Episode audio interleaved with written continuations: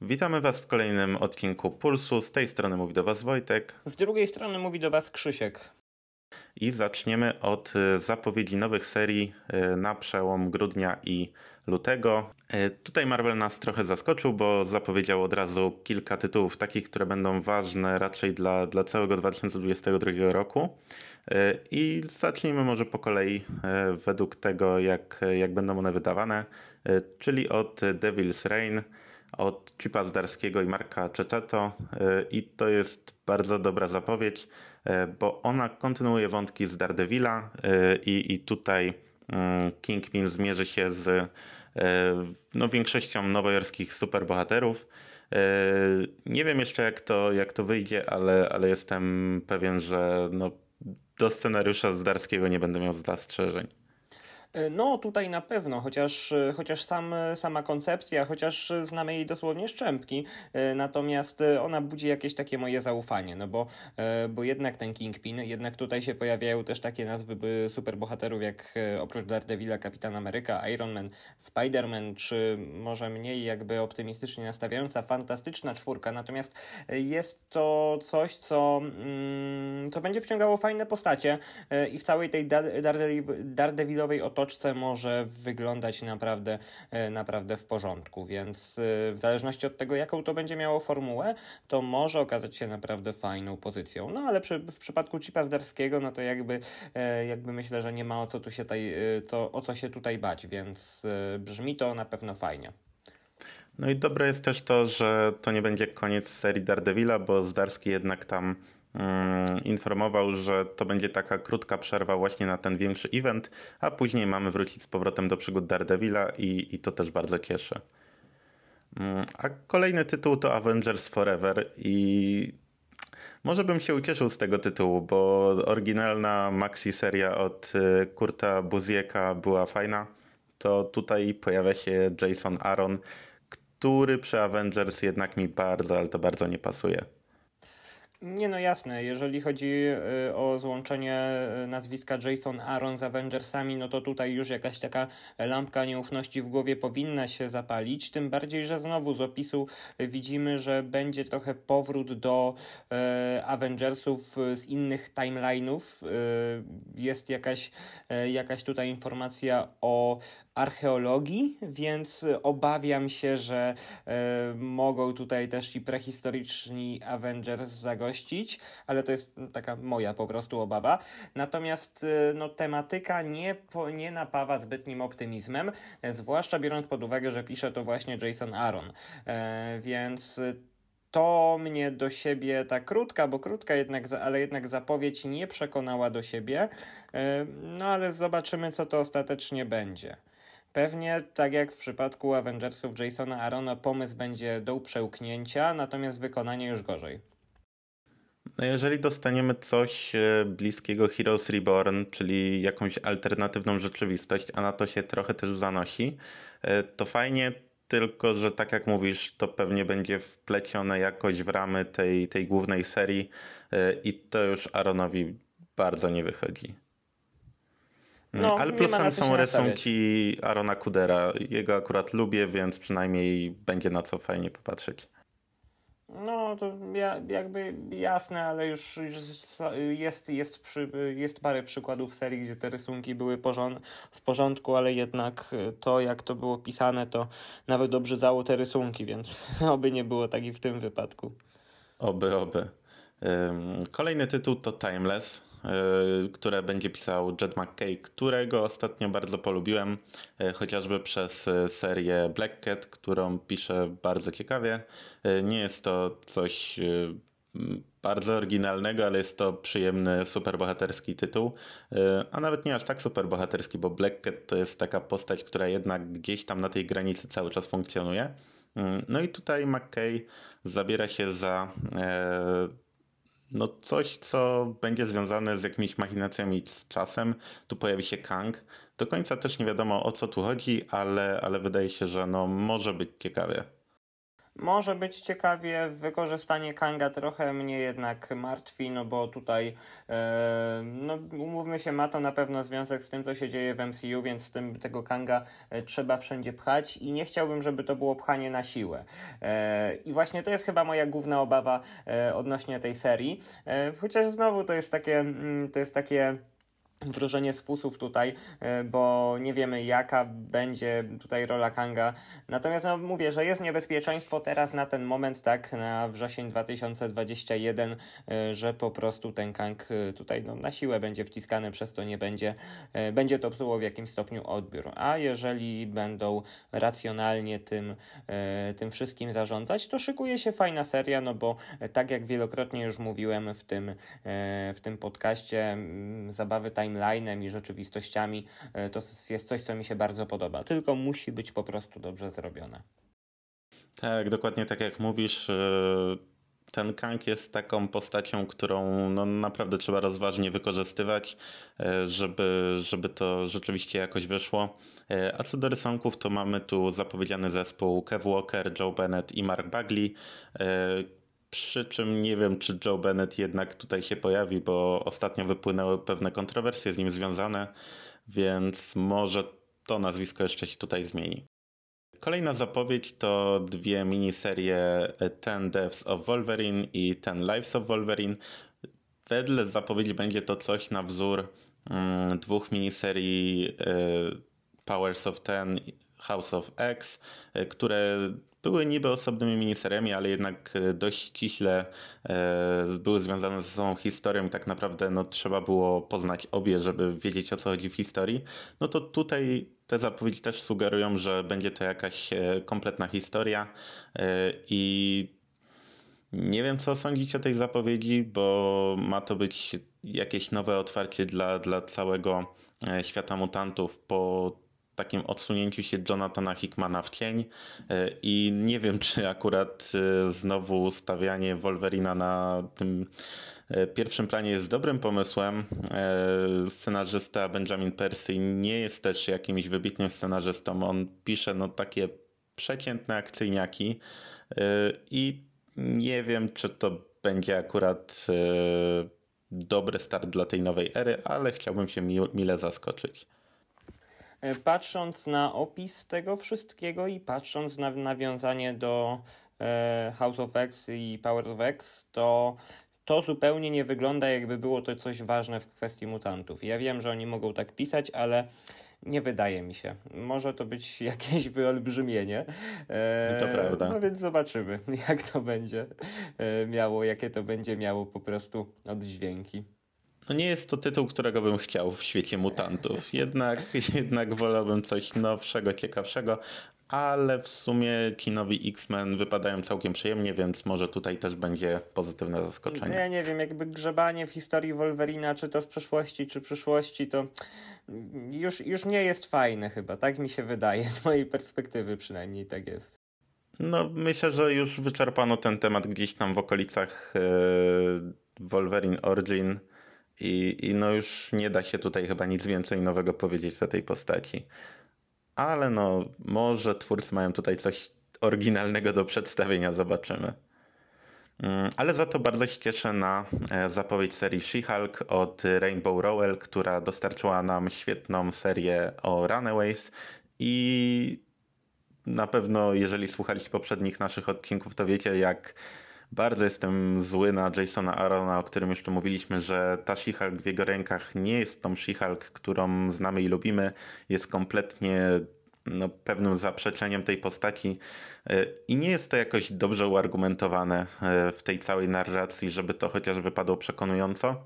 Mm, więc cieszę się, że ta seria zapowiada powrót tej, tej no, starej, dobrej She-Hulk. No, gdyby nie twórcy, to bym powiedział, Jezus, zostawcie tą biedną Jennifer w spokoju. E, no ale faktycznie to jest jedyne, co jakby e, pozwala na to optymistycznie patrzeć. Niech zrobią w końcu coś dobrego z tą postacią, bo jednak na to zasługuje. I to nie tylko dlatego, że She-Hulk jest po prostu fajną postacią, to dlatego, że no e, teraz już, już jej wyrządzono krzywdę, już jeszcze na tym momencie wyrządza się jej krzywdę, więc niech jej po prostu coś dobrego tutaj spotka. Mm, kolejny tytuł to fantastyczna czwórka Reckoning War i to jest coś, co już e, zapowiadano od lat, od chyba 15 lat, e, bo w którymś ze swoich komiksów, nie wiem czy to nie była czasem She-Hulk, którą pisał wtedy Dan Slott, e, zapowiadano właśnie takie wydarzenie jak Reckoning War i ona nadejdzie mm, właśnie na łamach tej miniserii, która będzie powiązana z przygodami Fantastycznej Czwórki.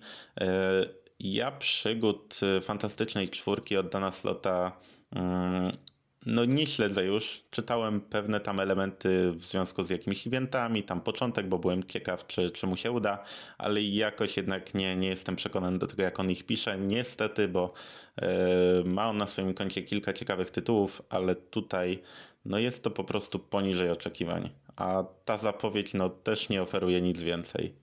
No, ja właśnie mam bardzo podobnie. E, jak słyszę fantastyczna czwórka i Dance Lot w jednym zdaniu, no to e, jakby nie do końca mnie to e, interesuje, więc tak samo jak jego seria przechodzi mi w zasadzie obok nosa, bez, żadnych, bez żadnego smutku z mojej strony, że tego nie czytam, tak przy, w przypadku tego eventu będzie najpewniej podobnie. Na chwilę obecną zupełnie mnie to nie interesuje i to nie jest wina fantastycznej czwórki, tylko Dana Slota. Z tą fantastyczną czwórką da się opowiedzieć ciekawą historię, a Slot jednak tego nie potrafi, ale może je, jeszcze to przed nim. No zobaczymy. E, ostatni z zapowiedzianych tytułów to tytuł, o którym można powiedzieć najmniej, e, bo jest to Moon Girl and Devil Dinosaur. I jest to seria, na którą też czekam, bo, bo ta poprzednia była dość przyjemna, chociaż raczej kierowana do młodszego czytelnika, y, ale tutaj nie możemy za wiele powiedzieć, bo nie znamy twórców tej, e, tej serii czy miniserii, tego też nie wiadomo, e, bo no Marvel tego nie ujawnił i no jestem ciekaw, kto to będzie, że to jest aż taka tajemnica, że teraz nie mogą ujawniać, e, więc więcej na pewno powiem Wam wkrótce. No, niekoniecznie bym się z tobą zgodził, bo w zasadzie wiesz wszystko, czego potrzebujesz, żeby stwierdzić, że ta seria może być fajna, no bo co prawda nie podali za bardzo jakiegoś backgroundu fabularnego, ani twórców, ale kurde, no jest powiedziane, że będzie Moon Girl and David Dinosaur i wszystko masz powiedziane, to będzie fajne. więc, więc spoko, ja czekam. No ja trochę się spodziewam, że wiesz, dostaniemy tu jakichś twórców y, od tej animacji, która jest już zapowiadana już od dłuższego czasu, więc może to będzie związane jakoś właśnie z tym serialem animowanym no spoko, ale jakby ten, jakby no niezależnie kogo mi dadzą, o ile, o ile po prostu po pierwszym zeszycie nie okaże się, że to jest totalne dno, to ja i tak je na to czekam, no bo to są takie przyjemne klimaty w tym Marvelu i to się zawsze fajnie czyta, nawet jeżeli to nie jest jakoś wybitnie pisane, e, to po prostu zawsze, zawsze to jest w jakimś tam stopniu przyjemne, więc, e, więc myślę, że i tym, i tym razem tak będzie. Tak, więc no pozostaje nam czekać na więcej informacji o tej serii. Kolejny news, e, bo na tym kończymy zapowiedzi tych serii to news związany z aplikacją Marvel Unlimited. Marvel zaktualizował swoją aplikację i wprowadził tam nowe serie, tylko mm, nie w takim stylu jak znamy je dotychczas, bo są to nowe serie, które będzie można czytać wertykalnie, e, czyli wzorem aplikacji Webtoons czy Tapas.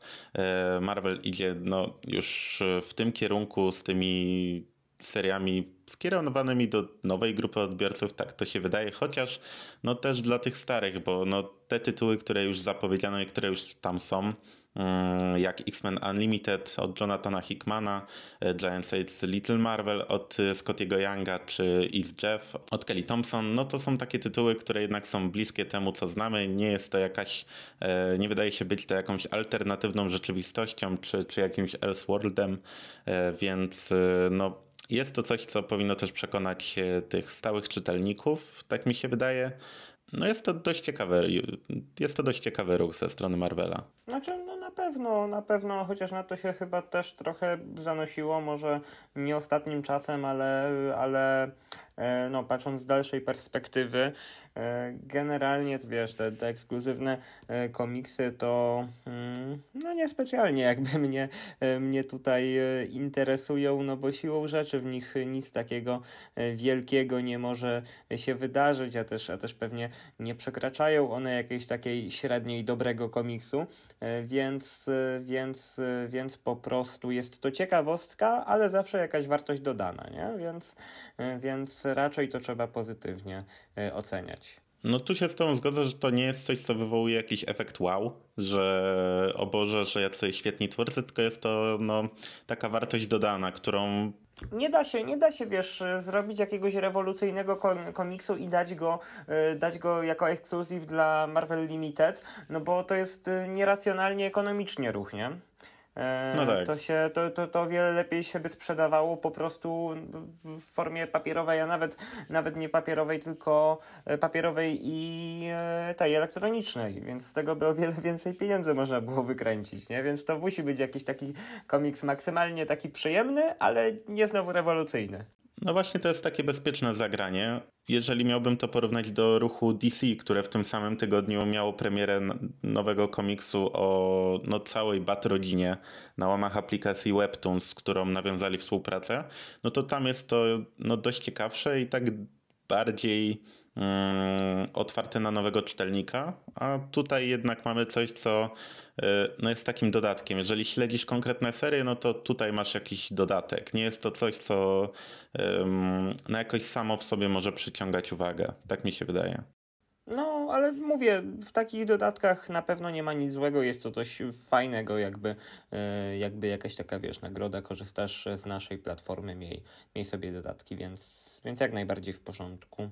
E, no a teraz przechodzimy na polski rynek, bo tutaj dostaliśmy Mm, zapowiedzi Egmontu na kolejne miesiące. W poprzednim odcinku nie omówiliśmy październiko październikowych zapowiedzi, e, więc e, nadrobimy je teraz razem z listopadowymi. No i ten październik nie jest aż taki na pierwszy rzut oka może obszerny, bo mamy tu zaledwie trzy tytuły od Marvela, ale jeżeli już wejdziemy w szczegóły, no to mamy tu Doktora Strange'a, który jest tym wydaniem w ramach Marvel Limited. Jest to to powiększone wydanie. Jest to seria no, z samych początków Doktora Strange'a, więc jest to coś na pewno, no nie wiem czy atrakcyjnego dla, dla współczesnego czytelnika, ale dla kolekcjonerów jak najbardziej. No na pewno jest to coś ciekawego. Przy czym natura słowa ciekawy jest taki, że ono za dużo nic nie mówi, więc generalnie no jest to ciekawostka. Nie wiem, czy właśnie dająca tyle, tyle emocji, tyle radości, co bardziej współczesne pozycje.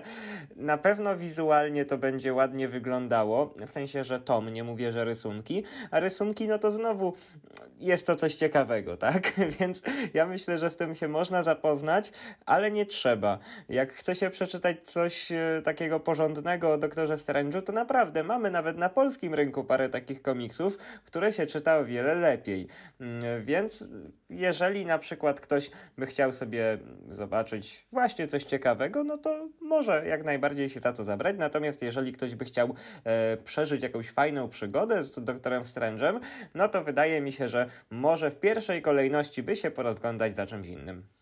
No tak, to na pewno nie jest pozycja dla tych czytelników, którzy po obejrzeniu filmu czy, czy no innych e, filmowych występów Doktora Strange'a, no to nie jest pozycja, do której powinni się kierować. To są te początki Strange'a. E, rysunki Disco są spoko. Tam, kiedy on eksperymentuje, no to to wypada fajnie, ale nadal to jest ta narracja raczej, raczej no, tego starego typu. No, jest to komiks, który powstał no, kilkadziesiąt lat temu, e, więc e, no, traktuję to jako ciekawostkę i sam Egmont też traktuje to raczej coś, co kieruje do wąskiego grona odbiorców. No rysunki Ditko są, są świetnymi rysunkami, ale tu znowu e, to jest tak jak, e, to jest, to, jest świet, to, są, to jest świetna rzecz, ale jednak w jakimś takim stopniu musisz być koneserem. Jeżeli całe tak. życie jesz fast foody i wejdziesz do jakiejś dobrej restauracji, to pewnie będziesz lekko zdziwiony, e, co ci podają tutaj. Nie mówię, że zdegustowany, ale zdziwiony. I tak samo jest w przypadku tych rysunków. Ja nie chcę tutaj żadnego ze słuchaczy obrażać w tym momencie, jeżeli jemu się na przykład coś takiego nie podoba, no ale jednak trzeba, trzeba mieć jakąś taką wyczuloną świadomość e, ewolucji tych rysunków, żeby to docenić w 2021 roku. Chyba, że się mylę i, i po prostu świadomość czytelników jest o, le, o wiele większa, to bardzo dobrze świadczy, natomiast wydaje mi się, że dla, dla, takiej, dla takiej osoby z ulicy może, e, może być to po prostu archaiczne i można nie doceniać tego, jakie, mm, jakie to jest dobre. E, więc, więc no no tutaj też jakby trzeba, trzeba jednak brać poprawkę, że nie każdemu może się to spodobać.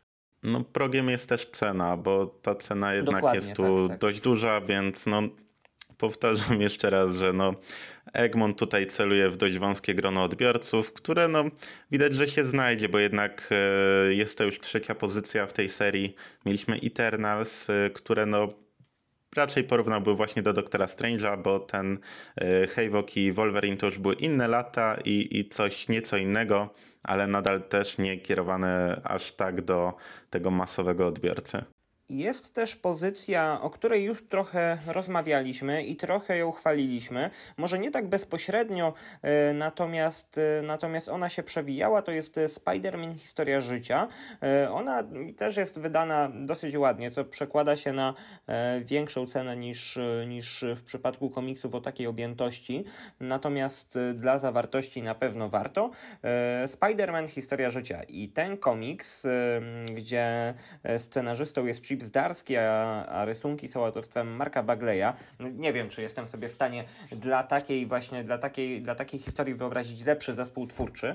No w każdym razie ten komiks y, opowiada mm, o sytuacji, w której znalazłby się Spider-Man, gdyby nie było tej iluzji przejścia czasowego w Marvelu. To znaczy, gdyby nie było tej iluzji, że od 63 roku do 2021 roku minęło kilka lat. Tutaj czas w tej historii biegnie rok po roku, e, dzięki czemu dzisiaj Spider-Man byłby już starcem. Obserwuje to się naprawdę genialnie. E, no i generalnie też autor Scenarzysta w zasadzie bardzo dobrze bawi się różnymi, e, różnymi elementami pajęczego świata w dostosowaniu właśnie do tych czasów. E, wygląda to naprawdę interesująco, no zwłaszcza, że moim zdaniem bardzo dobrze pokazane jest e, no to przejście czasowe, to tak w zasadzie historia idzie dekadami, więc, więc e, te zmiany dekad są bardzo wyraźnie widoczne, e, no i właśnie te wykorzystanie tych typowych pajęczakowych tropów na przestrzeni tych lat jest naprawdę, naprawdę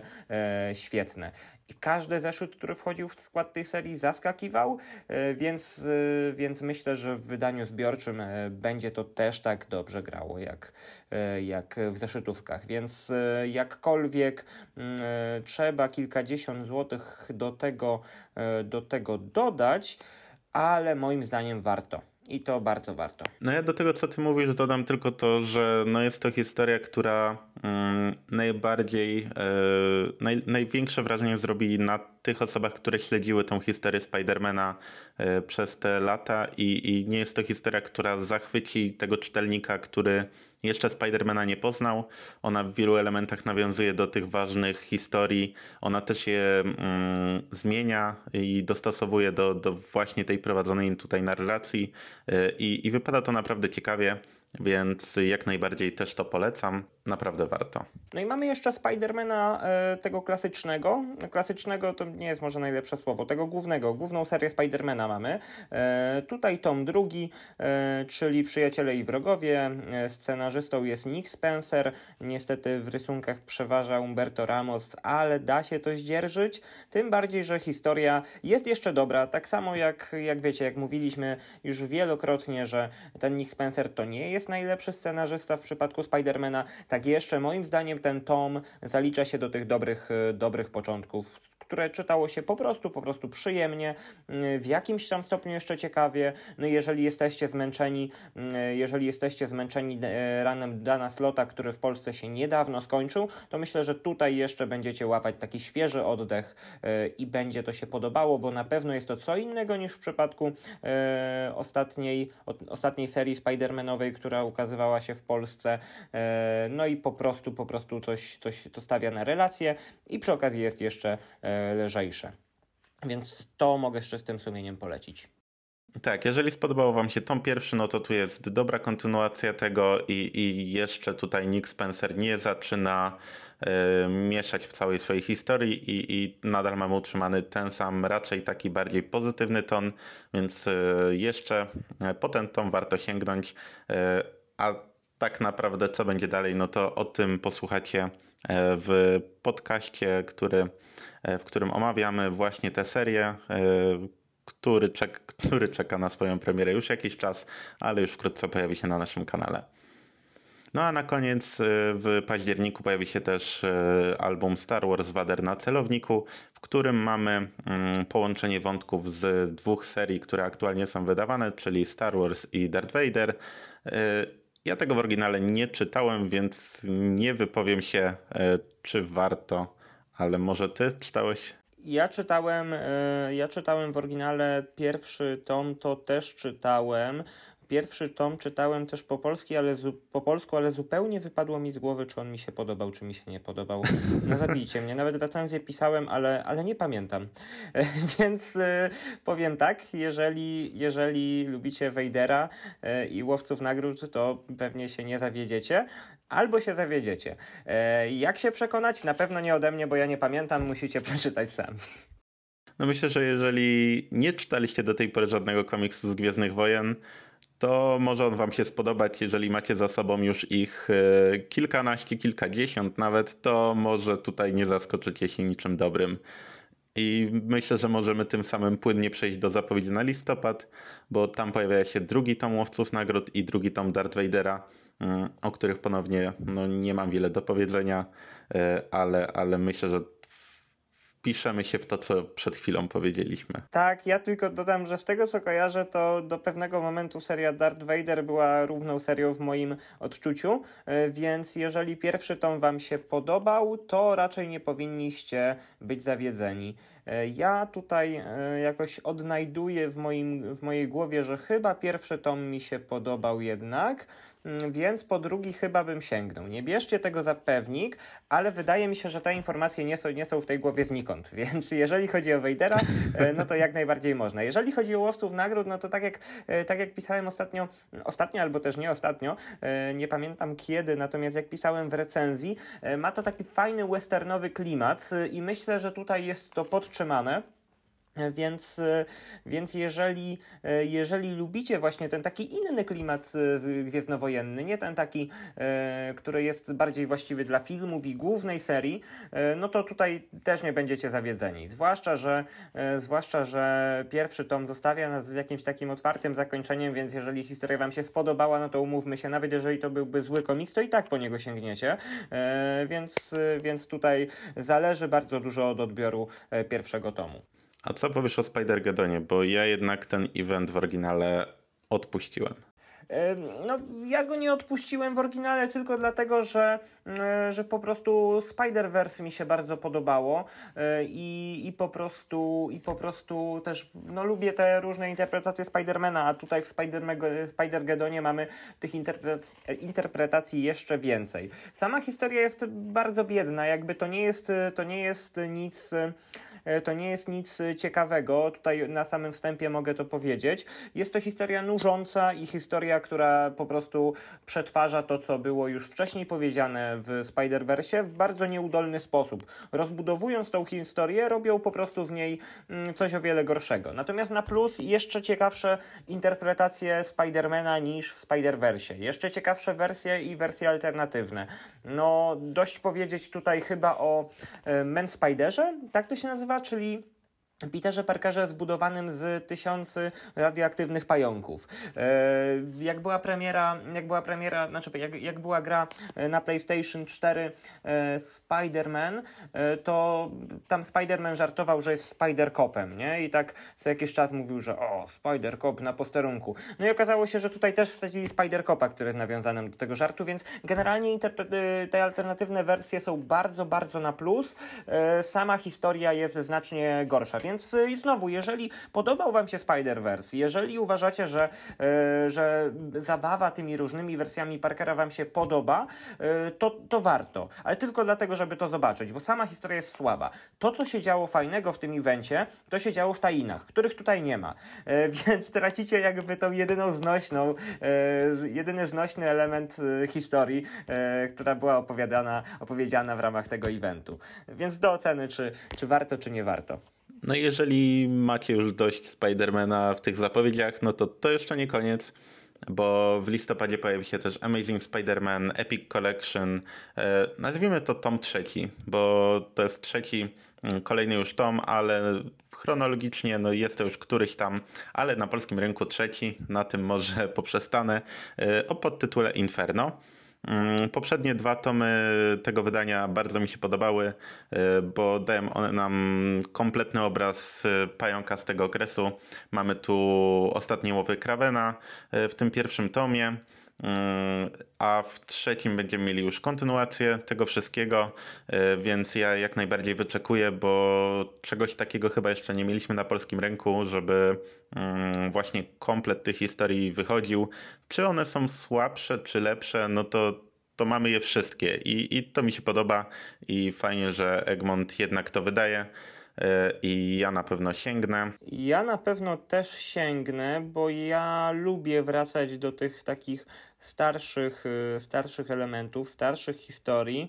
Natomiast y, musiałbym się zastanowić, czy ta, ja to Inferno dobrze zapamiętałem, czy nie.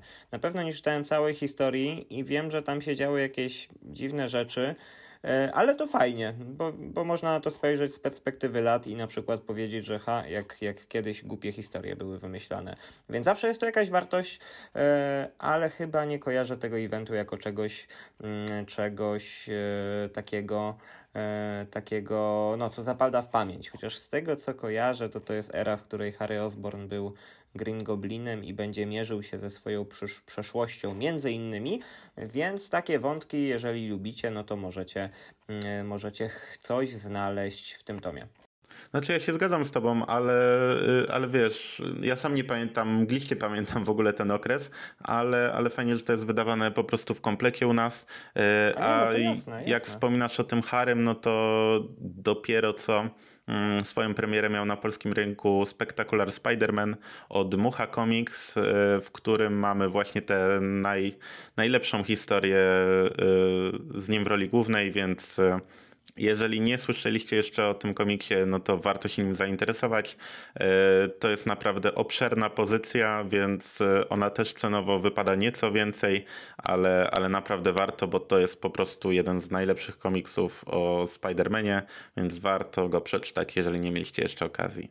Jasne. Kolejny tytuł e, to już Daredevil, siódmy tom e, serii o podtytule Nieustraszony. E, Egmont po krótkiej przerwie na przedstawienie nam e, Daredevila od Franka Millera powraca do tej serii mm, i mamy tutaj już run Andiego Digla, który jest oceniany gorzej niż to, co robił Bendis i Brubaker, no z czym się zgadzam, ale no jest to jednak dalszy ciąg tej historii i zmierzamy tutaj do mm, Shadowland i, i do pewnego zakończenia tego okresu w historii Daredevila, e, więc y, myślę, że jednak warto się tą pozycją także zainteresować. No, ja myślę, że tu nie ma co się zbytnio rozwodzić. Komiks dobry, kto czytał, ten na pewno będzie czytał dalej, a kto nie czytał, pewnie zacznie od tomu pierwszego, bo niedobrze jest zaczynać od tomu siódmego na przykład, e, ale, ale myślę, że warto. Ale jeżeli ktoś szuka tomu pierwszego, to może zerknąć po e, fantastyczną czwórkę, tom pierwszy e, do scenariusza Jonathana Hickmana. Jest to chyba najlepsza seria, jaką dał nam Hickman e, w wydawnictwie Marvel. Fajnie, że Egmont po nią sięga i jeżeli dobrze sięgam pamięcią, to nie mieliśmy jeszcze od Egmontu żadnego tytułu właśnie z fantastyczną czwórką. Nie, nie mieliśmy. Jeżeli jesteście podobnie jak ja, zmęczeni e, Hickmanem, e, tym, co, tym w jaki sposób on pisze komiksy, to ja powiem, że z tego co pamiętam, to się da całkiem spokojnie czytać i nie macie tego poczucia zagubienia. To jeszcze nie jest ten etap, e, więc, więc myślę, że można po serię sięgnąć. Zwłaszcza, że tak jak Wojtek powiedział, nie mieliśmy styczności za dużo z fantastyczną czwórką na naszym rynku mm, od Egmontu, e, a nie mówiąc już o tym, że właśnie serii w ogóle nie było, więc myślę, że warto, e, warto po ten, e, po ten tytuł sięgnąć. Mieliśmy w ramach wielkiej kolekcji komiksów Marvela kilka jakichś tam tomów, y, ale one były jednak wyrwane z jakiegoś kontekstu. No tak, Tutaj tak. mamy tą zapowiedź, że jednak dostaniemy komplet tej historii y, i myślę, że warto, warto po to sięgnąć. Tak jak mówisz, no to nie jest ten etap, kiedy Hickman zapowiadał jakiś wielki plan, ale nic poza tym wielkim planem tak naprawdę nie dostawaliśmy. Ja jednak nie jestem fanem y, jego, jego Avengers. Jego X-Men, no Wypadają nieco lepiej, ale jednak to Fantastyczna Czwórka jest tutaj yy, no, tym najlepszym jego tytułem, więc, więc yy, jeżeli myślicie, że Fantastyczna Czwórka nie warto, to jednak z całych tych zapowiedzi na listopad, to, to powiedziałbym, że to jest najmocniejszy tytuł, więc e, myślę, że to ma jakieś znaczenie. I na tym kończymy przegląd Marvelowych newsów. E, Przechodzimy do zeszytówek i zaczniemy może od Avengers 48 numeru, czyli trzeciej części World War She-Hulk, e, czyli narzekania ciąg dalszy, bo nie wypada to dobrze. I, i tyle mogę tak naprawdę powiedzieć.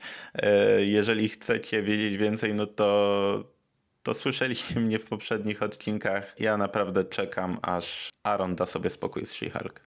Nie no jasne, oczywiście. Tutaj się sprawdza to, co ja mówiłem ostatnio przy, przy omawianiu odcinka 47, e, że ten 47 jako po prostu zeszyt był spoko, a jak pójdziemy dalej z historią, to się wszystko będzie psuć.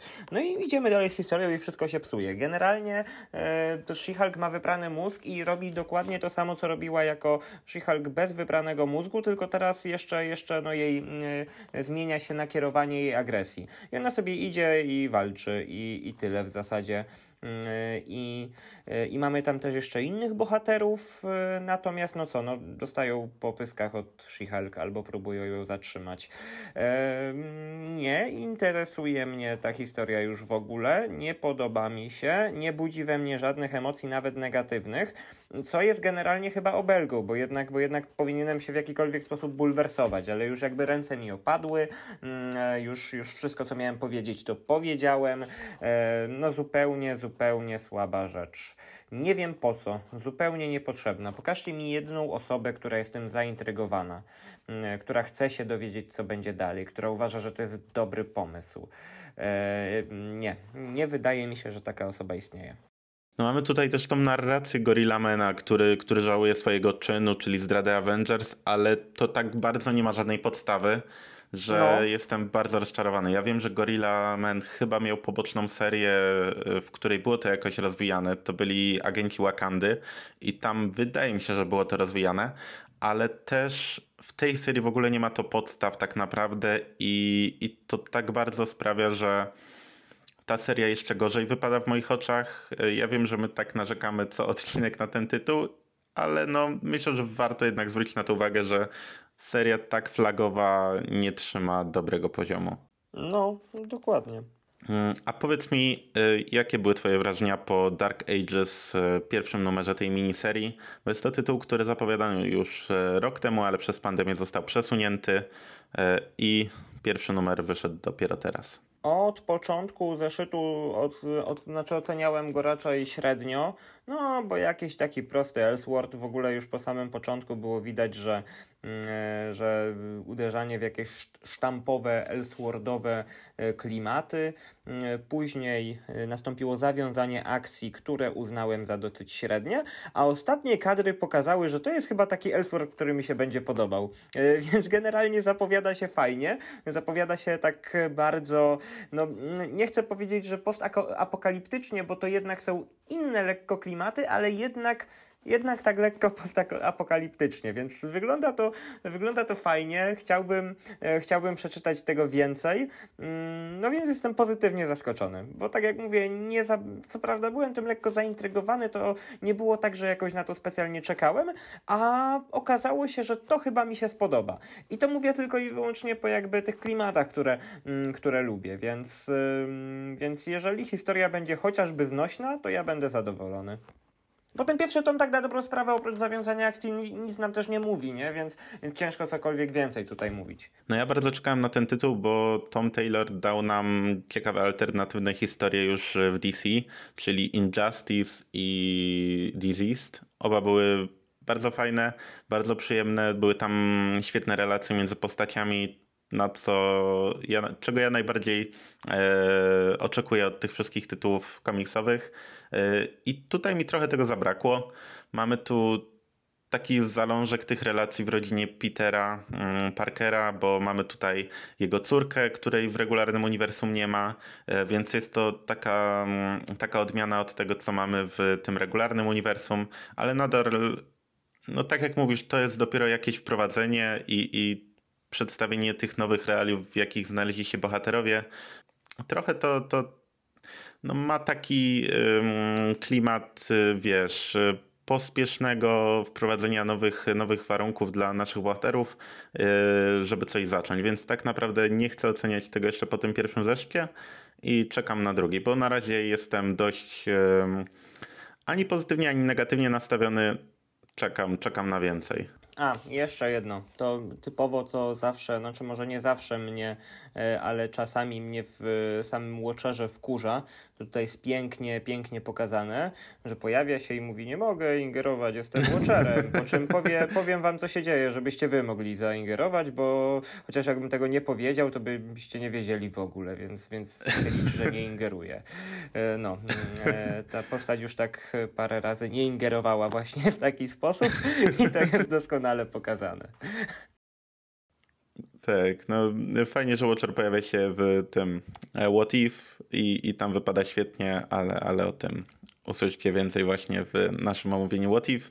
A przechodząc dalej, mm, dużo pozytywniej odbieram One Shot Demon Days Cursed Web, y, który jest trzecim już one shotem tworzonym przez Peach Momoko, y, będącym jej no, fantazją na temat tych bohaterów to też jest rzecz, która nie jest e, związana z regularnym uniwersum, tylko pewne przedstawienie yy, inaczej tych wszystkich bohaterów. I, i tak jak e, rozmawialiśmy przy omówieniu tego drugiego one-shota, gdzie ta akcja przeskoczyła z tej feudalnej Japonii do tych czasów bardziej współczesnych, no to tutaj mamy kontynuację już tej współczesnej historii i no wypada to nadal fajnie. Ja przede wszystkim śledzę ten tytuł dla, dla tych rysunków, ale, ale nie jest to coś, co no, czego kolejnych numerów bym po prostu wyczekiwał, ale fajnie pooglądać te rysunki. A ja podtrzymuję to, co mówiłem przy drugim e, zeszycie. Już mnie tak nie interesuje, jak interesowało mnie na początku. Więc yy, przeczytałem ten numer nie krwawiły mi oczy, nie, nie wybuchł mi mózg, natomiast też nie byłem jakoś specjalnie zainteresowany. Mm, więc tutaj chyba jest, jest podobnie jak mówiłem w ty, jak przy okazji Dark Ages. Lubicie takie klimaty? Pewnie wam się będzie podobało, nie lubicie. E, przejdziecie obok tego obojętnie tak, jak to zrobiłem ja. Powiem ci, że przy tym trzecim numerze jestem, jestem bliższy temu, temu, co ty mówisz, niż, niż przy drugim, gdzie miałem jeszcze nadzieję, że będzie to coś ciekawszego, a teraz już ten, ten mój entuzjazm też opadł. Nadal jest to coś ciekawego, innego, ale, ale jednak e, już tak nie zaskakuje. Nie ma tego efektu świeżości, który był przy tym pierwszym zeszcie, więc myślę, że możliwe, że ten kolejny one shot będzie już ostatnim. Myślę, że e, Marvel nie będzie tego dalej ciągnął, bo już tego chyba efektu świeżości nie będzie. Kolejny zeszyt, który, który chciałbym tu omówić, bo, bo wiem, że ty go nie czytałeś, e, to Kazar, Lord of the Savage Land, e, o którego zapowiedzi rozmawialiśmy już kilka odcinków temu e, i ja byłem zaskakująco pozytywnie do niego nastawiony, ale głównie z uwagi na, na rysunki, które, które nam prezentowano, mm, bo jakoś bardzo mi się spodobały, chociaż postać no, nie powiem, że lubię, nie lubię, bo, bo też jej za dobrze nie znam. Ona występuje jako taka, takie ona ma występy gościnne głównie e, i, i nie są one jakoś szczególnie mm, zapadające w pamięć, ale właśnie z uwagi na te rysunki i taką mm, ciekawą zapowiedź, która stawia tego Kazara w nieco innych warunkach, które kontynuują wątki z e, miniserii Avengers Empire, stwierdziłem, że sięgnę po to i no nie zawiodłem się. Jest to coś innego, jest to coś świeżego, e, przyjemnego, gdzie nie mamy znanych nam superbohaterów, tylko coś, co dzieje się w tym Savage. Jest tu zawiązana ciekawa intryga mm, i myślę, że z chęcią sięgnę po kolejne zeszyty, ale też y, nie będę wam na siłę tego polecał, nie jest to coś wow. Jest to po prostu przyjemny tytuł i, i z ciekawości po prostu warto na niego zerknąć zwłaszcza dla rysunków. A ostatni e, zeszyt, jaki omówimy, to zeszyt, który miał swoją premierę na Marvel Unlimited. E, nie sięgaliśmy po niego, kiedy miał swoją zeszytową premierę, bo nie był aż tak ciekawy, żeby po to sięgnąć. A na Marvel Unlimited, no to zawsze warto po coś takiego e, sięgnąć, bo jest to pierwszy zeszyt miniserii Reptil, który nie wiem, nie wiem czemu powstał, e, bo ta postać nigdzie się nie pojawia w żadnym, ani w żadnej z głównych serii, czy nawet pobocznych, jakie wydaje Marvel, ani w żadnym serialu, filmie, ale Marvel stwierdził, że czemu nie, wydamy sobie miniserię o Reptilu i ten pierwszy zeszyt to głównie ponowne przedstawienie tej postaci, więc e, jeżeli nie słyszeliście o niej nigdy wcześniej, to ten zeszyt opowie wam tak naprawdę wszystko, co, chcie, co chcecie wiedzieć. No zasadniczo tutaj jakby nie wiem co o tym myśleć, no bo okej, główny bohater jest, jest przyjemny, ma ciekawe moce, on nie drażni w żaden sposób i da się go nawet po tym pierwszym numerze polubić. Natomiast historia, która jest przedstawiona jest nieangażująca, mnie przynajmniej e, nie angażuje jakoś, nie mam ochoty tego kontynuować, e, jak no nie miałem, nie miałem w momencie premiery, bo ja to przeczytałem właśnie w tygodniu, kiedy to wyszło e, i wyszły już dwa kolejne numery tego, a jej nie sięgnąłem po nie w ogóle. E, Wydaje mi się, że też konstrukcja jest taka, że raczej to jest kierowane dla młodszego czytelnika. Mm, jeżeli ta postać was nie kupuje na tyle, żeby, żeby po prostu e, żeby po prostu się w to zaangażować jakoś bardziej, to wy tego czytać nie będziecie. I tak jest w moim przypadku. Więc e, wierzę, że niektórym się to może podobać, tak żeby to śledzić dalej, natomiast we mnie to nie wzbudza w ogóle jakby e, takiego zainteresowania, żeby właśnie e, coś z tym faktem istnienia tego komiksu robić. No tak, to jest y, coś, co raczej, o czym raczej szybko zapomnimy i tutaj nie wydarzy się nic, co będzie jakoś oddziaływało na, na całe uniwersum, chyba, że to jednak będzie klucz do sukcesu tej miniserii, że jednak w czwartym zeszcie, nie wiem, całe uniwersum Marvela zamieni się w dinozaury. Tego jeszcze chyba nie było, ale no cóż, e, Reptile Vengers, czemu nie? To by było super. Ja wiem, ty, ty i mechy, i, i różne tam dinozaury to, to byś kupował. Em, więc może, może jeszcze się tego doczekamy, kto wie. Jej, to jest E, świetny pomysł. I, I to by było na tyle, jeżeli chodzi o ten odcinek Pulsu. Zapraszamy Was do słuchania także naszych innych materiałów na naszym kanale. Zapraszamy do Was do subskrypcji, do komentowania. Jesteśmy ciekaw Waszych opinii o, o tych wszystkich newsach i, i tych zeszytach. E, Dajcie znać, co o nich sądzicie. Mm, No i do usłyszenia. Cześć.